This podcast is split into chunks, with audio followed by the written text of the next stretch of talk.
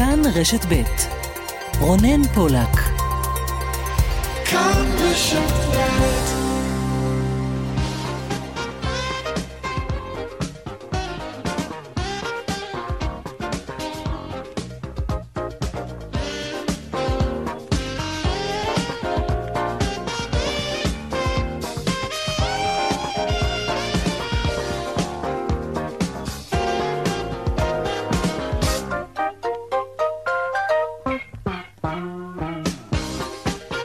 עכשיו ארבע ועוד שש דקות, צבע הכסף, התוכנית הכלכלית כאן ברשת ב', שלום לכם, שבוע טוב. מפיקות את התוכנית היום, יעל שקד ורונית גור אריה, טכנאי השידור רוני נאור, אני רונן פולק, המייל שלנו כסף כרוכית כאן.org.il, אנחנו מיד מתחילים.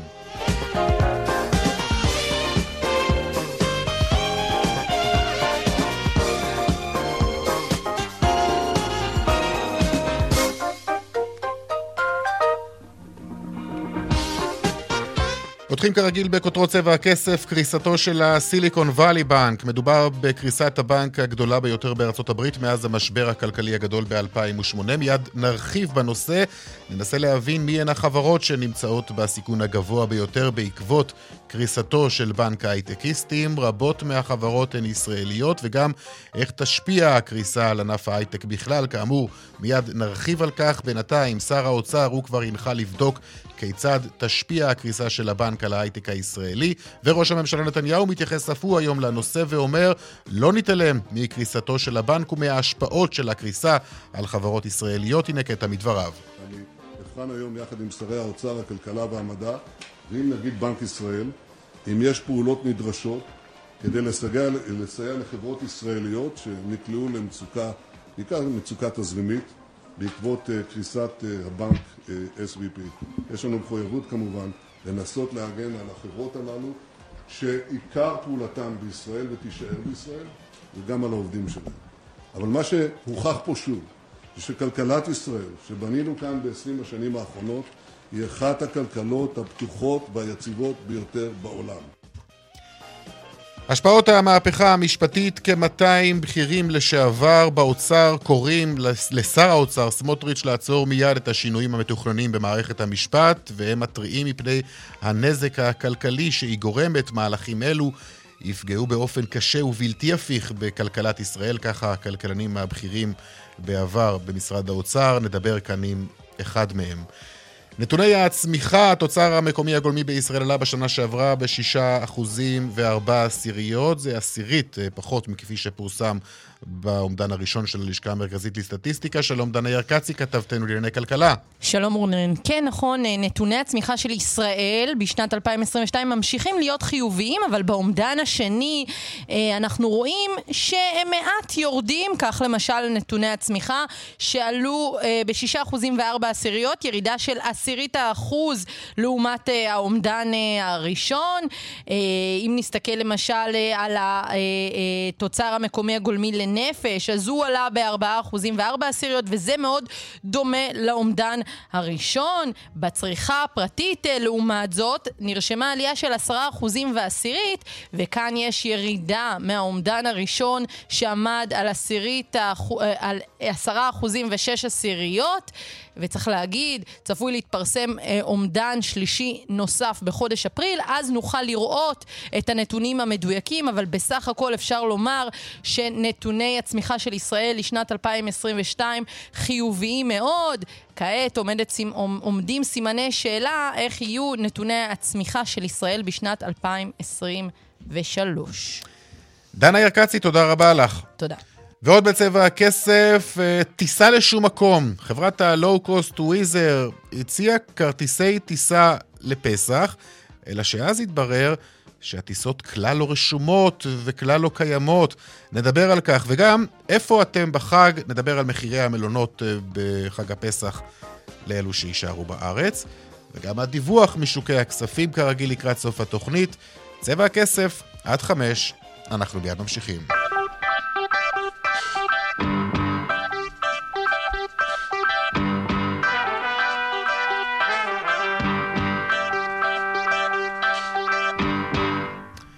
טוב, עכשיו אה, ארבע ועוד אה, 11 דקות כמעט. אנחנו פותחים אה, כמובן בקריסת הבנק בארצות הברית, הסיליקון ואלי בנק, הבנק השישה עשר בגודלו בארצות הברית, ששירת בעיקר חברות הייטק, בהן חברות ישראליות רבות. שלום לך, איתי שיקמן, כתבנו לענייני טכנולוגיה. שלום, שלום רונן. האם אנחנו כבר יכולים לדעת כמה חברות ישראליות מושקעות בבנק הזה ועלולות להיפגע? אז תראה, הבעיה היא עם אה, חברות ישראליות אה, פרטיות שהן לא מחויבות אה, בדיווח, ולכן אנחנו לא יודעים לומר בצורה מדויקת כמה חברות כאלה יש. לפי הערכות שאני מדבר עם מומחים בתחום, הם אומרים לי שכ-80% מהסטארט-אפים הישראלים החדשים, כאלו שממש נמצאים בתחילת דרכן, הם מעבירים את הכסף שלהם דרך הבנק הזה, אבל שוב, אלו הערכות, אלו לא נתונים רשמיים.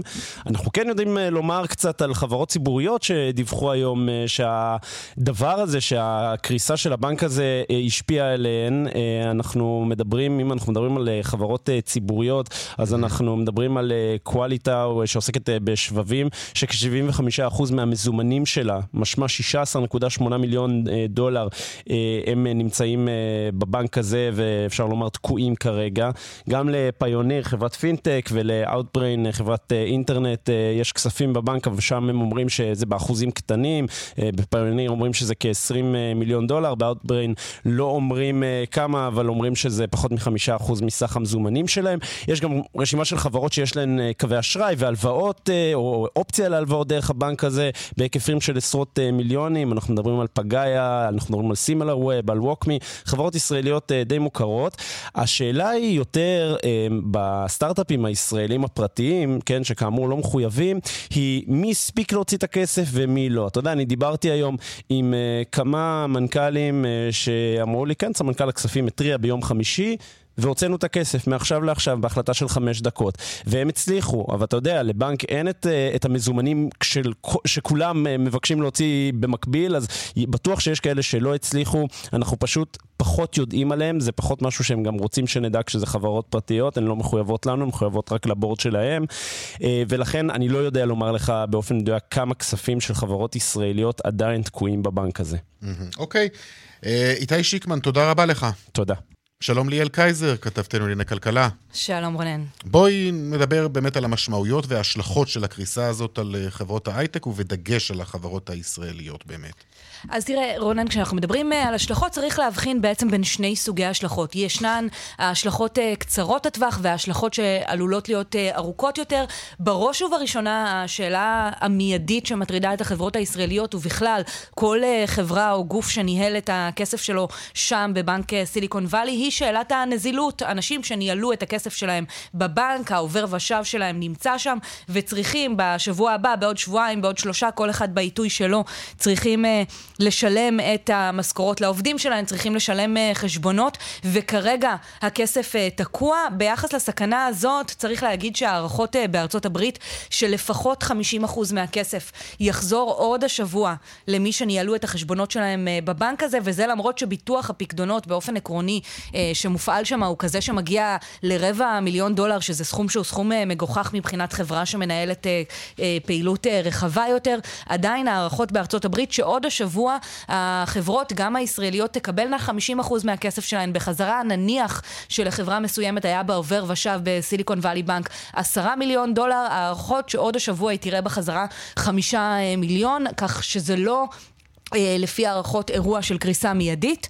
הסיכון ארוך הטווח יותר הוא הסיכון של אה, אה, שאלת המימון, קבלת האשראי. אנחנו מדברים על בנק שחילק הרבה מאוד מיליארדים בהלוואות לחברות, בהן כמובן גם חברות ישראליות שהתבססו על ההלוואות האלה, שלמעשה נמוגו כרגע עם קריסת הבנק. הן תצטרכנה למצוא לעצמן מקורות מימון חלופיים לפעילות שלהן. אנחנו מדברים על תקופה לא פשוטה, לא רק בישראל אלא גם בעולם, ריביות שעולות בכל מקום, הרבה יותר מורכב בימים האלה לגייס uh, כסף, ולכן בטווח הבינוני ארוך זה בהחלט יכול להשפיע על הפעילות של לא מעט חברות ישראליות, שגם מעסיקות הרבה מאוד עובדים חלקן. עכשיו, שמענו היום את ראש הממשלה נתניהו, הוא אומר אם יהיה צורך בכך הממשלה תסייע לחברות הישראליות שעלולות להיפגע מן המשבר, גם שר האוצר אמר דברים טוב, דומים, וגם הבנקים ראינו התייחסות, לפחות של כמה מהבנקים, אני, אני תוהה גם עד כמה המצוקה של הבנק הזה היא הזדמנות עבור עבור בנקים ישראלים.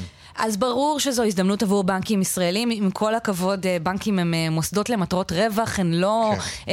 ארגוני צדקה. הבנקים הישראלים בהחלט רואים באירוע הזה הזדמנות. ראינו בסוף השבוע שהם מודיעים אחד אחרי השני שהם פותחים קווי סיוע, שהם בזמינות טלפונית לטובת החברות שהכסף שלהן יתנהל בסיליקון וואלי בנק, שהן מציעות להן סיוע בהעברת כספים ודברים מהסוג הזה. כמובן שהאסון או הטרגדיה של אחד הוא תמיד ההזדמנות mm-hmm. של uh, אחרים, ולכן בסופו של דבר אנחנו מדברים על uh, חברות uh, uh, הייטק, לקוחות ממש ממש לא רעים בימים כתיקונם, ולכן הבנקים הישראלים קופצים על ההזדמנות uh, לנצל את המשבר הזה כדי להעביר אותם uh, אליהם. כן. ועוד מילה אחת ברשותך, רונן, צריך להגיד, אנחנו נמצאים uh, במאני טיים, אם תרצה, אצלנו יום ראשון uh, ארבע בצהריים, בארצות הברית uh, מתחיל הבוקר, מחר ייפתח המסחר uh, בבורסה בארצות הברית, היום אין שם uh, מסחר. ראשון. והחשש הוא כמובן uh, בארצות הברית מאיזשהו אפקט של הידבקות, שהקריסה הזאת של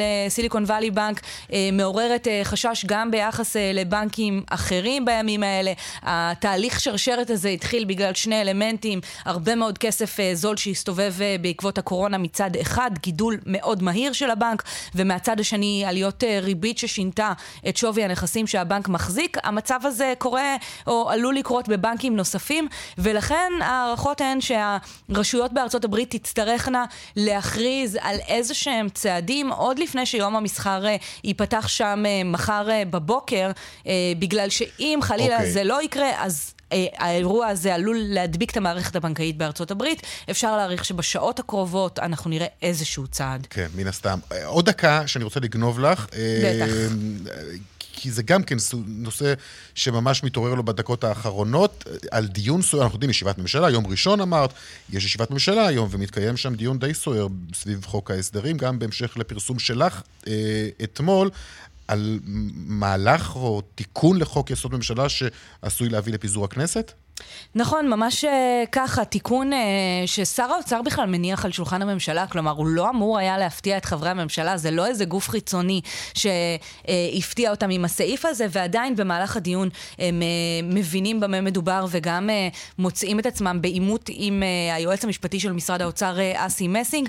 לפי התיקון הזה, מה שיקרה זה שאם יהיה פער גדול מדי בין הכנסות המדינה ממיסים mm-hmm. במהלך השנה הבאה לבין תחזית ההכנסות כפי שהיא כפי שעל בסיסה אושר התקציב לשנה הבאה, 2024, הרי שהממשלה תצטרך לעשות אה, תיקונים בתקציב המדינה, לעשות אה, התאמות, אם לא יהיה לה די כסף בקופה כדי אה, ליישם את אותו תקציב שהיא העבירה כבר עכשיו לשנה הבאה.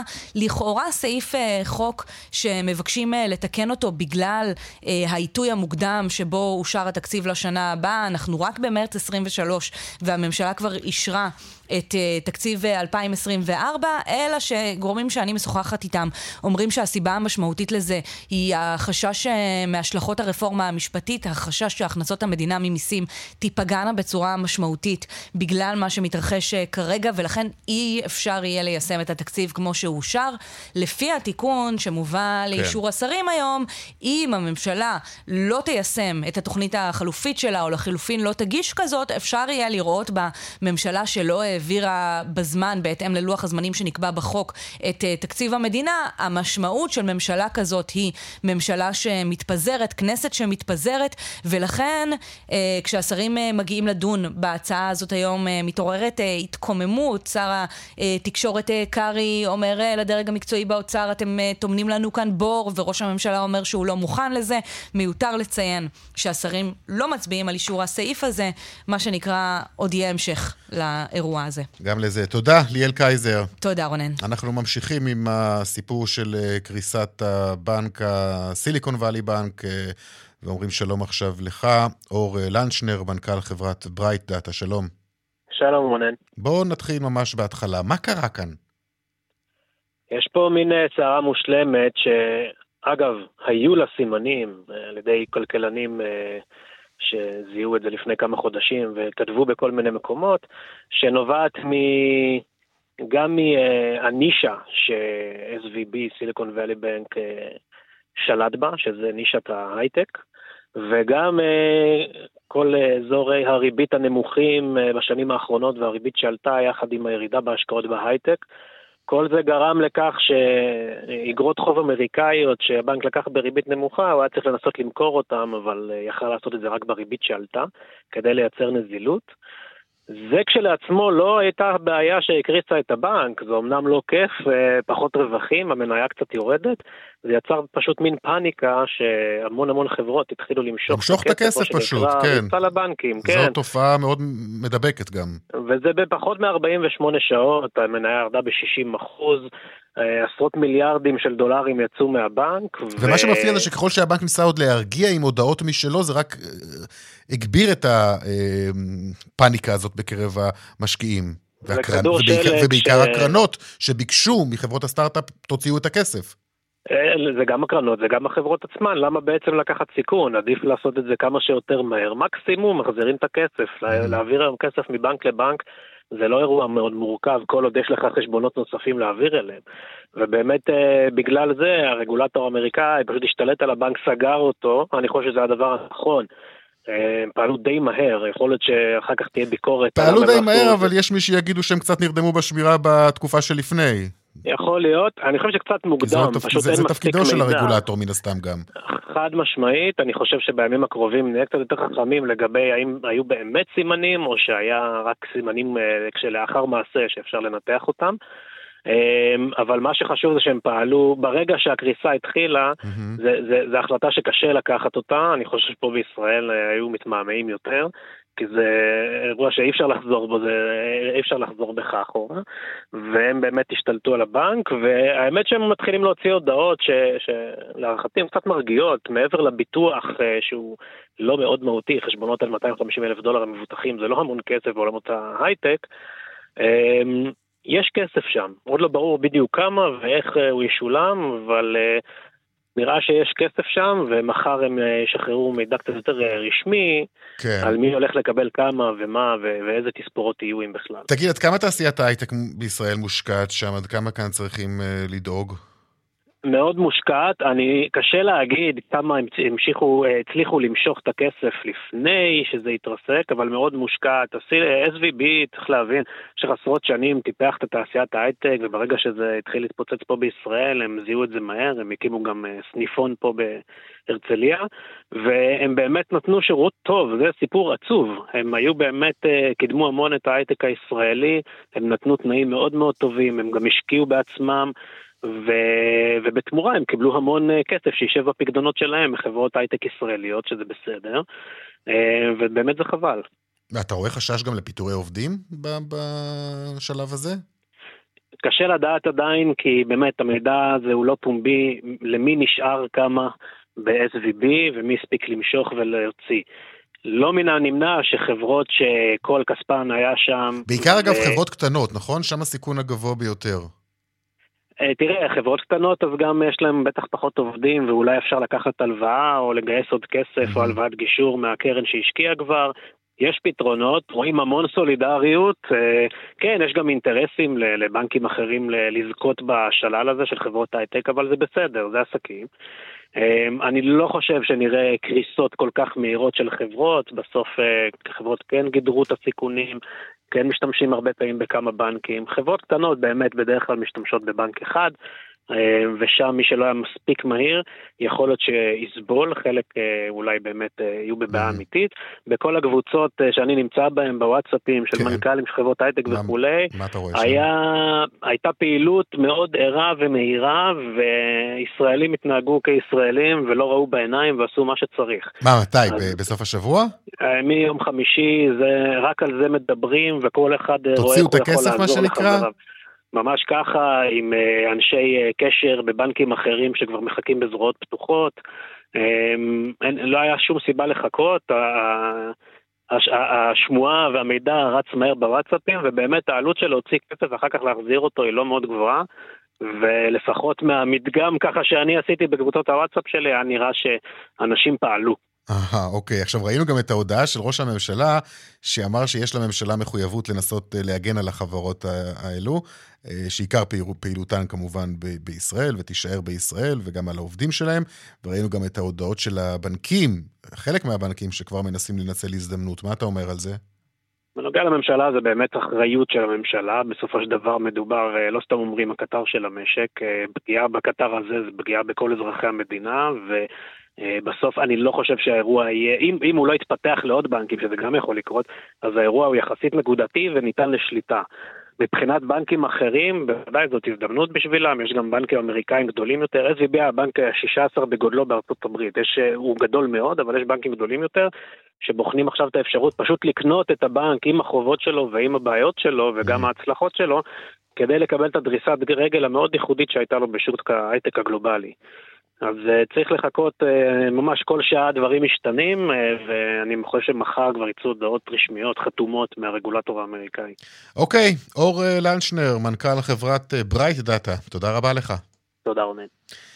עכשיו למכתב ראשי אגף התקציבים באוצר לדורותיהם נגד הרפורמה במערכת המשפט. זה מכתב אה, שיוצא בעיקר בעקבות הנזק הכלכלי שהמהפכה הזאת גורמת אה, לכלכלה הישראלית. מדובר על כ-200 בכירים לשעבר במשרד האוצר שקוראים לשר סמוטריץ' לעצור מיד את השינויים המתוכננים במערכת המשפט.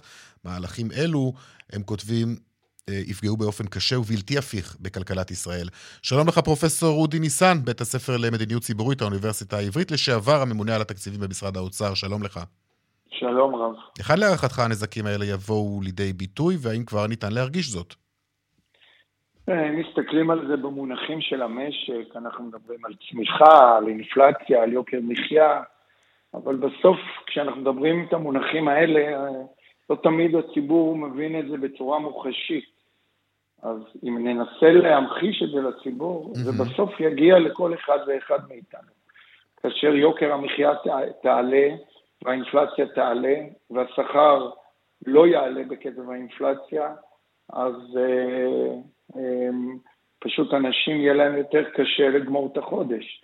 סל התרופות לא, לא יגדל כמו שהיינו רגילים, הקצבאות, רמת השירותים הממשלתיים, כל הדברים האלה הם יהיו תוצר מאוד מאוד ברור של תהליך של צמיחה מועטת.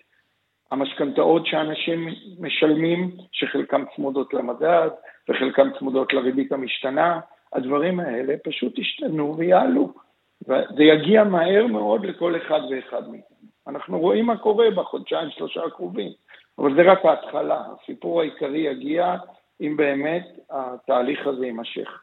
וכשאתה רואה, ודאי מה שגם שר האוצר רואה, את האזהרות למשל של חברות דירוג האשראי, אתה יודע לומר לנו מה המשמעות של תחזית להורדה של דירוג האשראי? תראה, אני חושב שדירוג האשראי הוא פן אחד. אין לי ספק שאם החקיקה הזאת אה, אה, אה, תעבור, mm-hmm. וזה לא רק חוק אחד של בחירת השופטים, אלא זה חבילה של חוקים שפוגעת אה, בזכויות הפרט, בזכויות הקניין, היא לא, היא לא חייבת לפגוע. עצם זה שהיא מעלה את החשש שתהיה פגיעה עתידית, אני חושב שהיא, ברגע שהחקיקה הזאת תעבור, אני חושב שהאופק של דירוגי האשראי ירד, הדירוגים יכולים לרדת, אבל יותר חשוב, המדדים הכלכליים ירדו. וברגע שהמדדים הכלכליים ירדו, אז הדירוגים ירדו. והחוב יהיה יותר יקר, וזה תהליך שעברו מדינות אחרות, זה לא תהליך ש... אין לנו עדויות לזה. ואתה אומר, אוקיי, אתה אומר בסופו של דבר כל אחד ואחד מאיתנו ירגיש את זה בכיס. אתם, אתם התרעתם גם באוזניו של שר סמוטריץ' או בכירי משרדו, או שהסתפקתם במכתב? תראה, אני יודע שיש אנשים שהתריעו, אה, אני יודע שהמכתב גם מבקש פגישה, או אולי לא המכתב, אבל יש אנשים שמנסים להסביר לו את זה בצורה מוחשית, אבל האמת היא שכל כך הרבה אנשים בעצם כל אנשי המקצוע הבכירים במשק אמרו את זה בצורה חד משמעית. וזה לא שאלה אם תהיה פגיעה חמורה בכלכלה, אלא היא תהיה חמורה מאוד, או עוד יותר חמורה, זה, זה, זה, ולכן שר האוצר צריך לקבל פה החלטה. האם מה שחשוב לו זה איזושהי אג'נדה פוליטית, או שבאמת כלכלת ישראל. ואני מעבר בכלל לשיקולים של מערכת המשפט. כן? בלי קשר לזה בכלל. כלכלת ישראל הולכת למתווה יותר גרוע מהעשור האבוד של שנות ה-70 וה-80. תגיד, למה, למה אנחנו לא שומעים על שום דבר באמת אה, מאנשי אגף התקציבים אה, היום? אנחנו יודעים שגם אה, אתם, אתם אנשים לפחות שהיו בתפקיד הזה כן נמצאים בקשר עם, ה, עם אותם בכירים שנמצאים היום במשרד האוצר, נכון? א', אני חושב שבחדרים סגורים הם אומרים את הדברים, וב'... אתה שמעת, אתה שמעת דברים כאלו? תראה, יש לי שיחות, אני חושב שיש שם, הם מוטרדים מאוד. קשה לכמת את הדברים בצורה מדויקת. אגף תקציבים תמיד מנסה להגדיר את זה בצורה מדויקת. לא תמיד מצליח, אבל אני חושב שהם צריכים לבוא ולהגיד בקולם הברור את הנזק הכלכלי המוחשי. ואת זה הם לא עושים, ומה הם גם... אני יודע, אנחנו יודעים שלא מזמן, ממש בימים האחרונים, אגף התקציבים מפיץ אה, לבוגרי האגף אה, הודעה שמספרת על ההישגים בהעברת התקציב, אבל לא הייתה שם שום התייחסות לסערה הכלכלית שברקע, הייתה שם איזושהי התייחסות כללית שלישראל יש אתגרים כלכליים משלה. אה, ואתם מתחתם ביקורת על ההודעה הזאת, נכון? א', כן, היה דיון בממשלה, ובדיון בממשלה אומנם נאמרו שם אזהרות, אה, כמובן שהשיקול הפוליטי היה למזער את הדיון הזה, אבל אין ספק שגוף כמו אגף תקציבים, שתמיד נמצא ואומר את דעתו, צריך להביע בצורה מאוד ברורה, קול חד וברור, את הנזקים למשק. כתוצאה מה... זה לא רפורמה, מהמהפכה המשפטית הזאת. Mm-hmm. וכך רואים את זה גם כל הגורמים הכלכליים בחו"ל. זה לא איזשהו עניין פוליטי פנימי ש... נכנסו להם כל הכלכלנים השמאלנים במרכאות ואמרו, יש פה הסכמה רחבה, אני לא זוכר, כן, מאז שהתחלתי לעבוד באגף תקציבים לפני למעלה מ-30 שנה, שיצא מכתב כזה, שכל טווח הדעות הפוליטיות והכלכליות, ימין, שמאל, אחידים בדעתם, כל הממונים שיכלו לחתום על המכתב הזה, אומרים בצורה מאוד בוהקת, הרפורמה הזאת, המהפכה הזאת, היא אסון לכלכלה. אתה, האסון הזה... אתה, כן. אה, פרופסור אה, אודי ניסן, אתה עבדת בעבר עם ראש הממשלה נתניהו, נכון?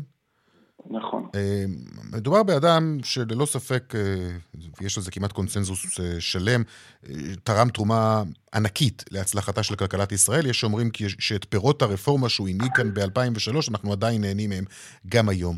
אתה יודע להסביר מה קרה כאן בדיוק? אתה, אתה יודע למצוא את הסיבות? הרי איך יכול להיות שנתניהו, אדם כל כך פיקח בתחום הכלכלי, לא רואה את כל מה שאתם מדברים, מתריעים ומזהירים על כך היום? לדעתי אולי הוא עשה הערכת חסר בהתחלה, ומשיקולים שלו בחר להמשיך. אני מכיר אותו טוב, הוא מבין היטב את המשמעויות, בטח עכשיו, ואני מקווה רק שהוא יתרגם את ההבנה הזאת לעשות מעשים ולעצור את זה לפני שיהיה מאוחר מדי. אוקיי, פרופסור אה, אודי ניסן, בית הספר למדיניות ציבורית, האוניברסיטה העברית, לשעבר הממונה על התקציבים במשרד האוצר. תודה רבה לך. תודה רבה. להתראות. דיווחי תנועה עכשיו.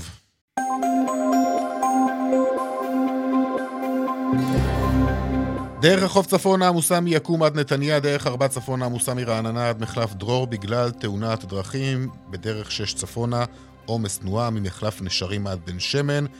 דיווחים נוספים בכאן מוקד התנועה כוכבי 9550 ובאתר שלנו עכשיו. הפסקת פרסומות. אה, אחר כך נדבר על ה... איך נגדיר זאת? הבלוף של אה, וויזר, טיסה לשום מקום. מוכרים טיסות לפסח, אבל הטיסות האלה לא קיימות. עוד מעט שרון עידן יעשה לנו סדר עם הסיפור הזה. פרסומות כבר חוזרים. עכשיו 39 אה, דקות אחרי 4, טיסה לשום מקום. חברת הלואו-קוסט, וויזר, פרסמה עשרות טיסות ליעדים שונים ביוון, אלא שהטיסות האלה כלל לא רשומות, כלומר אין עליהן אישור אפילו. שלום שרון עידן, כתבנו לענייני תעופה ותיירות. שלום רונן. מה קרה שם בדיוק? תראה, קודם כל על חלקן יש אישור, אבל אין קשר כמובן בין השעה שוויזר מפרסמת גם עכשיו Aha. כדי להוציא את הטיסות, אה, לבין מה שקורה כשאתה בודק פתאום את השעה באתר נתב"ג. בוא ניתן דוגמה ככה כדי שכולנו נבין, למשל אם אתה רוצה לנסוע ממש בעוד שבועיים וקצת לסנטוריני עם המשפחה ב-29 במרץ, זה כבר חופש פסח, תגלה באתר של וויזר שהטיסה יוצאת בשעה שמונה וחמש דקות בבוקר, כי זאת שעה נהדרת, ואתה מרוויח יום שלם, והילדים יכולים לקום כמו שצריך, אם תיכנס לאתר של נתב"ג, תגלה שהטיסה משובצת ל-10 ו-10 בלילה, כן? לא תגיד שעה, שעתיים אחרי, אלא הרבה מאוד שעות, חצי יממה ויותר אחרי. אה, כך גם ביעדים אחרים, כלומר, אנחנו גם רואים שביעדים כמו רודוס למשל, או באתונה, השעות הן אחרות לגמרי, ולמשל בכרתים, חלק מהטיסות בכלל לא מופיעות בכלל, כלומר, אומרים לנו גם ברשות שדות תעופה, אנחנו לא כל כך מבינים על איזה טיסה מדובר, אמנם היא מופיעה באתר של וויזר, אנחנו לא מכירים שאישרנו טיסות כאלה. עכשיו, אם זה היה קורה, רונן, עוד חודשיים, שלושה, ארבעה, אנחנו יודעים שלפעמים באמת לא מאשרים סלוטים, כן, חלונות טיסה, ואנחנו מקבלים את ההודעות המצערות האלה על זה שטיסה שהזמנו בקיץ בשעה מסוימת מבוטלת או נדחית, אבל כשעוד שבועיים הטיסה יוצאת לדרך, כן, אנחנו מדברים על סוף חודש מרץ, זה כבר באמת סיפור אחר לגמרי. בוויזר אגב מאשרים בדקות האחרונות את הפרסום, והם אומרים שאכן חלק מהשעות שהם אה, קיוו לקבל אה, לא אושרו, והם כמובן, אה, כך הם אומרים, לאותם נושאים, ידאגו לתת חלופות, שזה או החזר כספי או 120 אחוז, או לשנות טיסה למועד אחר. אני מזכיר לך שטיסה שעלתה 100-200 שקל לפני חודש-חודשיים לפסח, יהיה קשה מאוד, גם אם אתה מקבל עליה היום החזר, לבצע אותה במחירים של היום. בחלק מהמקרים אמנם אפשר להזיז באמת את הטיסה בתוך חברת התעופה, לא תמיד. אין ספק שזה יוצר כאב ראש גדול מאוד עולה להרבה מאוד אנשים שתוכננו לצאת. אז שוב נאמר, מדובר על יעדים שונים ביוון. בחלק מהמקרים השעות הן באמת שעות מופרכות כמעט לחלוטין ביחס למה שבוזמן, בחלק אחר זה מצב יותר טוב. וצריך גם לומר שייתכן שעל חלק מהטיסות האלה בסופו של דבר כן יקבלו אולי אה, שעות יותר נורמליות, אבל כמו שזה נראה עכשיו, כשזה כבר ממש מעבר לפינה, הסיכוי של זה די נמוך, ובאמת צריך להיערך גם לפי התגובה של וויזר, מי שהזמין, לקחת בחשבון שחלק גדול מהטיסות האלה כנראה יצאו בשעות אחרות לגמרי, אם בכלל יצאו. אגב, אפשר לנקוט בצעדים משפטיים אה, נגד אה, וויזר? תראה, בעיקרון, אם אה, אדם רוצה לתבוע את החברה, הוא יכול לעשות את זה, במיוחד ככל שאנחנו מתקרבים למועד שהוא פחות משבועיים. לא, יש פה הפרות צרכניות, לא? בוודאי, אבל שוב, צריך לומר, עד שבועיים מרגע הטיסה זה סיפור אחד, בתוך השבועיים האחרונים שאנחנו נכנסים אליהם ממש בימים הקרובים זה סיפור אחר. החברה תאפשר כנראה לאנשים לשנות בחלק מהמקרים, אתה יודע, שבועיים שלושה קדימה אחורה את המועדים, לא תמיד זה עוזר לאנשים, בטח לא כשהם תכננו על יום שלם שם. כן. ושוב, אתה יודע, העניין הזה שאתה קונה טיסה בכמה מאות שקלים, ואז הם אומרים לך, אין בעיה, נחזיר לך את הכסף, אבל מה זה עוזר לי? שאתה מחזיר לי את הכסף עכשיו חמש דקות לפני שהטיסה יוצאת אל הפועל, ואם אני רוצה להזמין עכשיו משהו אחר נורמלי, אני משלם כבר פי עשרה מזה. אה, אלה פטנטים שראינו אותם בעבר, בעיקר עם צ'רטרים, אה, פחות עם חברות סדירות, ואני מזכיר לכולנו שחברות לואו-קוסט הן חברות סדירות לכל דבר ועניין.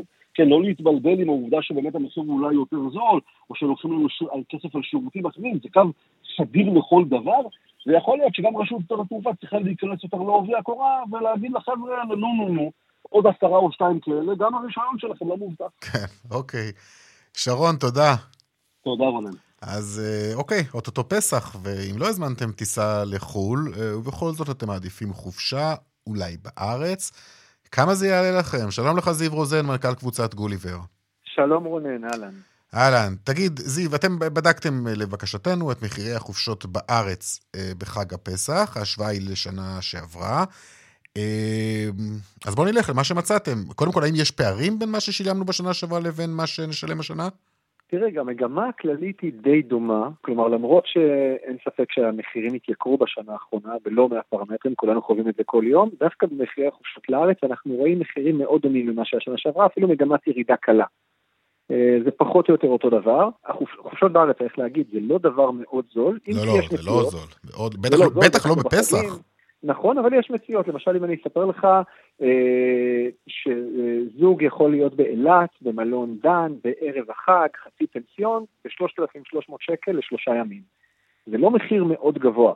אה, באופן כללי יש חופשות בטבריה למשל, מלון ליאונרדו, אה, לזוג פלוס שניים, ארבעה לילות, חמישה ימים, אה, מלון מצוין, בחול המועד, 5,580 שקלים. אה, כאמור, לא מחירים הכי זולים, אבל גם לא מאוד יקר. אין ספק שאנחנו מדברים חודש לפני, זה כנראה הסיבה שאני אומר את זה. אם נדבר שבוע לפני, כנראה המחירים יאמירו משמעותית. ובהשוואה לשנה שעברה, זה בעצם אותו סדר גודל של מחירים, נכון? אה, כן, כמכנה משותף זה נכון. יש מלונות שאתה רואה קצת יותר, בכלל אנחנו רואים, זה ממש הבדלים באסטרטגיה של בתי המלון שמתמחרים את זה. יש כאלה שאומרים, נותר חודש לפסח, ולכן יש עוד הרבה זמן אפשר גם לקחת מחירים יותר גבוהים, מקסימום זה ירד. לעומת זאת יש בתי מלון באסטרטגיה לחלוטין אחרת, נותר רק חודש, בוא נמהר להוריד מחיר כדי למלא תפוסות שלא נשאר עם בית מלון ריק. עכשיו, יש אטרקטיביות מסוימת לערים מסוימות? אנחנו יודעים שלמשל אילת נחשבת לעיר אטרקטיבית מאוד במהלך הפסח, נכון? נכון, לגמרי. אני לא אפתיע פה. אילת, ים המלח וטבריה, שלושת הערים המבוקשות ביותר, גם מזג האוויר בפסח הוא מצוין בשלושתם, שלושתן, ו... ולכן אילת מובילה ביפר את, הביק... את רשימת הביקושים. אחריה ים המלח, טבריה, אבל, וזה אנחנו רואים מאירוע הקורונה, שהיה לנו בשנים האחרונות, יש פריסה מאוד ארוכה בקרב בתי מלון לאורך הארץ, גם בצפון וגם בדרום. אנחנו נוטים לייחס את זה ברמה המקצועית שחו"ל היה סגור, לא יכולנו לטוס למקומות אחרים, וגילינו את הארץ, ופשוט יש מקומות ביישובים, מושבים, ערים, קיבוצים, מקומות שלאו דווקא היה ביקוש אליהם, בעקבות הקורונה אנשים נחשפו, ראו כי טוב, והמגמה הזו ממשיכה, ועדיין יש ביקוש גם ליעדים האלה. אוקיי, עכשיו כל הבדיקה שעשיתם זה לגבי כמה לילות? ארבעה לילות? ארבעה לילות, ארבעה לילות. אחרי ליל הסדר?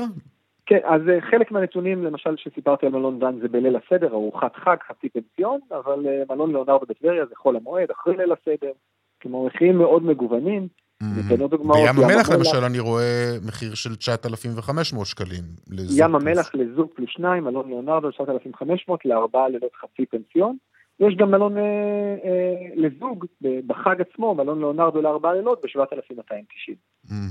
אה, תגיד, יש השפעה בכלל של המצב הכלכלי ואפילו, בוא נודה על האמת, אווירת הבאסה הכללית על הזמנת חופשות? תראה, זה נראה, אנחנו לא מרגישים אותה, ההיגיון אומר שצריכה להיות, כלומר, על פניו אין ספק שהחשש הכלכלי ומה יהיה, ואנשים יטוסו או לא יטוסו ושער הדולר, וכמו שאמרת, המצב הכלכלי, אמור להשפיע, אנחנו לא רואים את זה כרגע במספרים, כלומר מגמת הביקוש למשל אם אנחנו חודש לפני פסח מאוד דומה למה שהכרנו גם בשנת 19 וגם בשנה שעברה, אז נראה, ואני רוצה להגיד את זה לא מעט, שחופשה בקרב הישראלים זה יותר צורך מאשר מותרות, אבל אם אני צריך, בכל זאת אני עוסק בתעש, בתחום הזה לא מעט, אני נמצא בתעשייה הזו, אם צריך לנבא, אם חלילה המצב יימשך עוד הרבה זמן, אני מניח שתהיה השפעה. כרגע לא מאוד רואים את זה. ואז זה שלב שבו גם אה, מנהלי בתי המלון עם האצבע על הדופק ככה, לחוש? כן, כן, כולנו כל הזמן, גם אנחנו שעסוקים בלמכור את זה ולהציע את המחיר הטוב ביותר, וגם מנהלי בתי המלון עצמם, שעסוקים בתפוסות ולמלא את החדרים בבתי המלון. כן, כולנו עם יד על הדופק, ואני כן יכול להגיד שזה ימשיך לעבוד ככה, כלומר ברגע שהביקוש יעלה, מה שסביר להניח שיקרה לקראת פסח, גם המחירים יעלו. ולכן אין ספק שההיצע וביקוש פה הוא מאוד מאוד חזק. תגיד, מה לגבי חו"ל? כי בשבוע שעבר דיברנו כאן עם עמית גולדברג, כן, מטראבליסט. מטראבליסט, כן. כן, סיפרה לנו שיש ירידה במחירים. נכון. בשנה שעברה גם היה ביקוש כל כך גדול, כולנו היינו אחרי גל האומיקרון ויצאנו מהסגר ומהקורונה, כמעט בכל מחיר הישראלי רצה לטוס והמחירים היו בהתאם. השנה זה לא המצב, יש ביקוש, אבל זה לא דומה להיקף שהיה אז פוסט קורונה, ולכן המחירים בהתאם, אנחנו רואים בממוצע ירידה של סדר גודל של 20% לעומת שנה שעברה. זה כל כך לא מדעי הדבר הזה, אתה יודע, כי אנחנו למשל בדקנו בעוד חברה, חברת הבדאוס, הם דווקא אומרים לנו שהם רואים עליית מחירים ביחס לשנים קודמות, בין 10 ל-30 אחוזים. בקרב הצרכן הישראלי, המדאוס היא אחד הספקים, זאת אומרת, אנחנו קוראים להרבה מערכות, המדאוס זה אחד מהם, אנחנו רואים חד משמעית ירידה, יכול להיות שבקרב טיסות דירות שם, זה הנתון.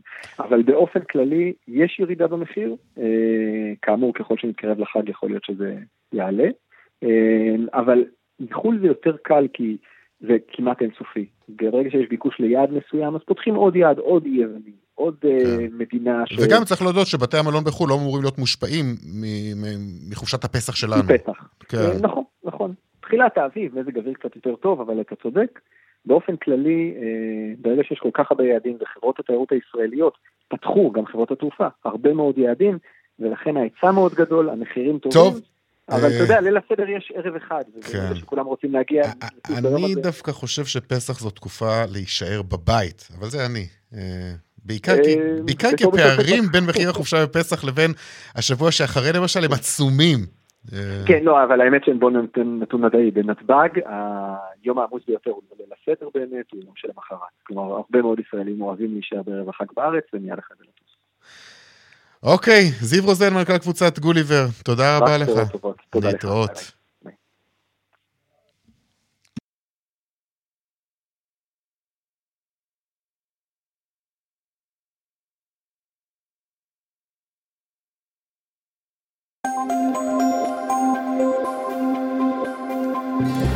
דרך 71 מערב העמוסה מבית השיטה עד תל יוסף, דרך 4 צפון העמוסה מרעננה עד מחלף דרור, דרך 5 מזרח העמוסה מגלילות עד מחלף ירקון.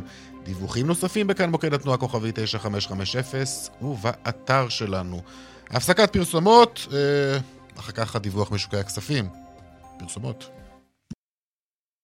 בורסה, יש לנו עוד? כן, יש.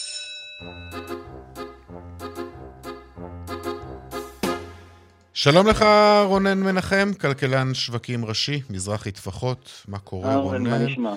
בסדר, תודה. איך נפתח שבוע המסחר בבורסה בתל אביב? גם ברקע קריסת הסיליקון ואלי בנק, צריך לומר. אה, בעיקר כן. ברקע הקריסה הזאת.